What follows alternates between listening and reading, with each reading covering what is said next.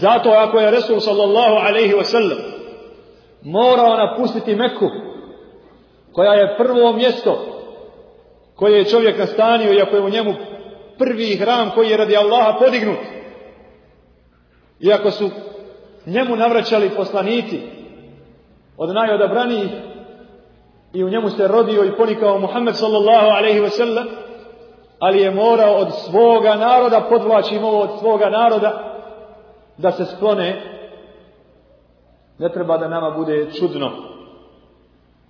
To je sunnetullah. Ako nam se to dešava, to je radosna poruka i usporedba sa Muhammedom sallallahu alaihi wa sallam, radosna za nas, da bi moglo biti na, na, na dobrom putu, ali isto tako, ako izađemo iz mjesta, treba i dalje ostati na sunnetu Mustafa sallallahu alaihi wa sallam.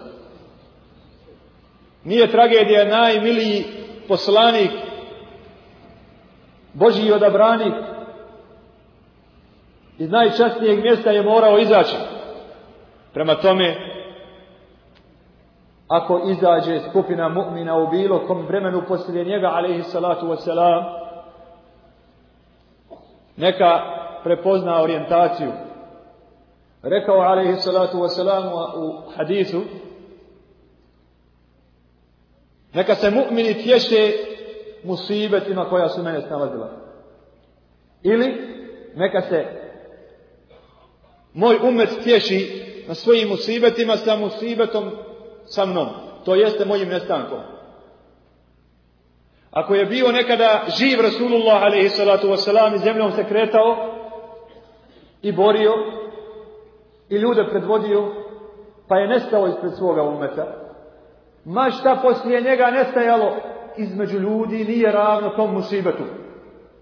Prema tome, bez čega mi ostali, bio on čovjek ili određeno mjesto ili određena dobra koja Allah Želešanu ponudi pa ih uskrati bilo našim grijesima, bilo iskušenjima